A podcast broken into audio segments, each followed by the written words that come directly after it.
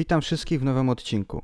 Zgodnie z wynikiem głosowania, temat na dzisiaj to najniebezpieczniejszy kult w Japonii, Aum Shinrikyo. Zanim zaczniemy, chciałbym wszystkim podziękować za to, że jesteście ze mną. Mieliśmy trochę dłuższą przerwę od podcastów, ale teraz wracam i nowe odcinki będą pojawiać się w każdy poniedziałek. Chcę, żeby każdy odcinek był przygotowany na 100%, dlatego myślę, że tydzień na przygotowanie jest wystarczający. Tak więc, bez mojego zbędnego gadania, zapraszam do wysłuchania. Witajcie na Mamciary.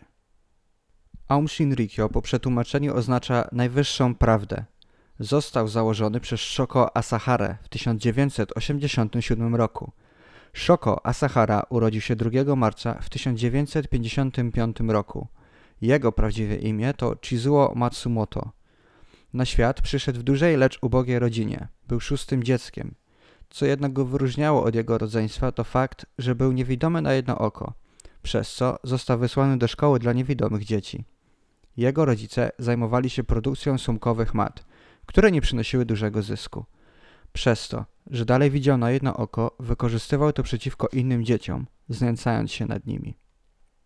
Od dzieciństwa odczuwał pragnienie władzy. Jak sam często powtarzał, pewnego dnia, gdy dorośnie, zostanie premierem Japonii. Jeszcze jako Chizuo zaczął studiować akupunkturę. Jest to starożytna chińska sztuka medyczna, która polega na wkuwaniu igieł w odpowiednie części ciała w celu ulżenia w bólu. Kiedy miał 21 lat, wyprowadził się do Tokio, gdzie poznał swoją przyszłą żonę Tomoko Ishii. Miał z nią szóstkę dzieci. Postanowił złożyć papiery na studia prawnicze, jednak jego wniosek został odrzucony. Z tego powodu zaczął sprzedawać chińskie zioła, które rzekomo miały pomagać ludziom – jednak przez ten biznes spakował się w kłopoty. Powód był jasny. Reklamował je w nielegalny sposób. Kiedy osiągnął wiek około 25 lat, dalej czuł się nieswojo. Jednak pewnego dnia, jak sam twierdził, poczuł silną więź ze sferą duchową i postanowił udać się do Indii, aby szukać oświecenia. W tym okresie dołączył do małego kultu Agonshu, który był połączeniem hinduizmu oraz buddyzmu. Po powrocie do Japonii ogłosił, że osiągnął nirwanę, czyli najwyższy poziom oświecenia w buddyzmie.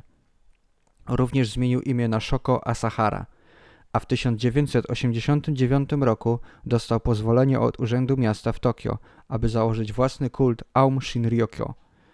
Samego siebie kazał nazywać świętym papieżem, zbawcą kraju oraz tokijskim Chrystusem.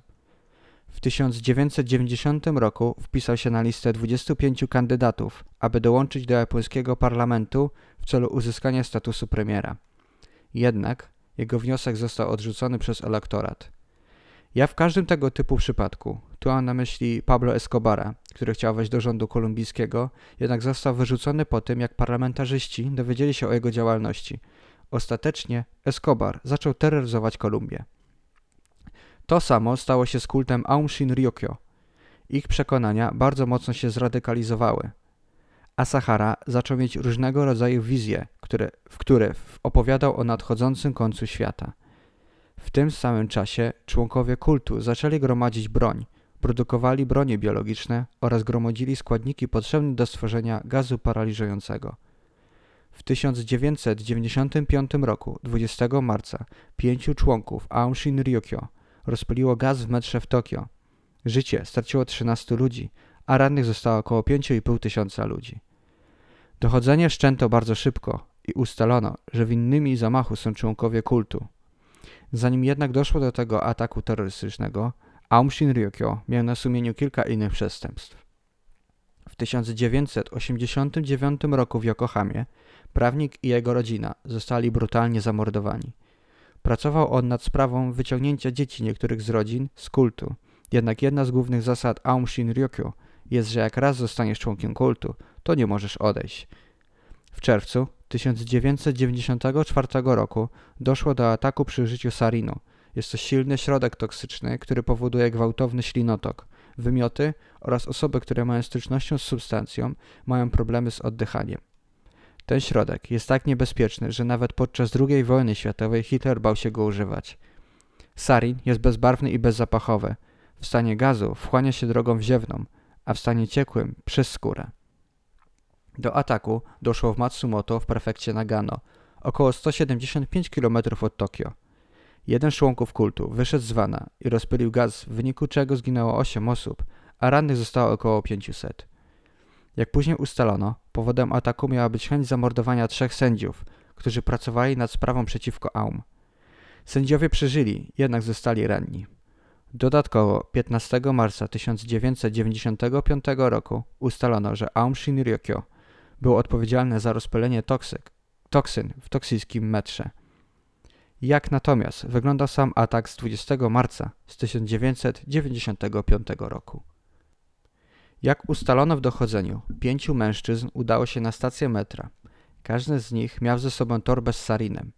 Wsiedli do innych przedziałów. Każdy z nich miał udać się w kierunku Tsukiji Sta Station w centralnym Tokio. Przed samym odjazdem metra każdy z mężczyzn położył torbę z sarinem na ziemi, przekuwając je i w pośpiechu opuszczając stację metra, udali się do samochodu, który został zaparkowany niedaleko od stacji, po czym uciekli. Trucizna zaczęła bardzo szybko się rozpylać po przedziałach, w wyniku czego opary zaczęły bardzo mocno wpływać na pasażerów. Pociąg dalej kontynuował swoją trasę. Trucizna bardzo szybko zaczęła działać na pasażerów, gdyż z każdym stop, y, stopem na stacji w metrze więcej osób miało styczność z sarinem. Pośród ofiar było dwóch pracowników metra, którzy starali się pomóc pasażerom, którzy mieli styczność z trucizną. Jak ustalono, jeden z pracowników starał się wynieść torbę z przedziału, jednak to się okazało śmiertelnym pomysłem. Bardzo szybko wszczęto postępowanie w sprawie i w przeciągu kilku godzin ustalono, że ta sprawa ma bardzo dużo wspólnego z poprzednimi atakami dokonanymi przez kult Aum Shinrikyo. Dwa dni później zorganizowano naloty policyjne na biura kultu w Tokio oraz laboratoria w Kamikui Shiki w prefekcie Yamanashi. W wyniku czego zabezpieczono ogromne ilości toksyn używanych do produkcji trucizn. W maju lider Aum Shinrikyo Asahara Shoko oraz jego współpracownicy zostali aresztowani. Asahara kompletnie nie przyznawał się do winy, twierdząc, że jego kult nie ma nic wspólnego z żadnymi atakami. Jednak nie wiedział, że wśród swoich wyznawców są ludzie, którzy przyznali się, za wszystkimi atakami stoi kult Aum Shinrikyo. W ostateczności około 200 członków kultu zostało aresztowanych i skazanych za ataki terrorystyczne. Około 13 osób dostało karę śmierci. W 2004 roku, po ośmioletnim procesie, Asahara Shoko został ostatecznie skazany na śmierć za serię różnych popełnionych przestępstw. On sam w 2006 roku ubiegał się jednak o złagodzenie wyroku.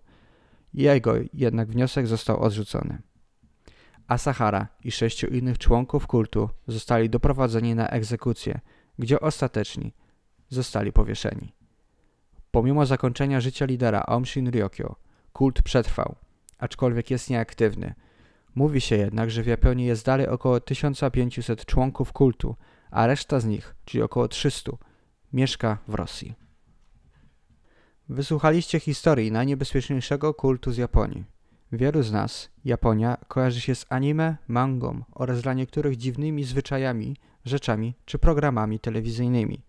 Mi Japonia głównie kojarzy się z anime oraz niesamowitą kuchnią, którą mają do zaoferowania.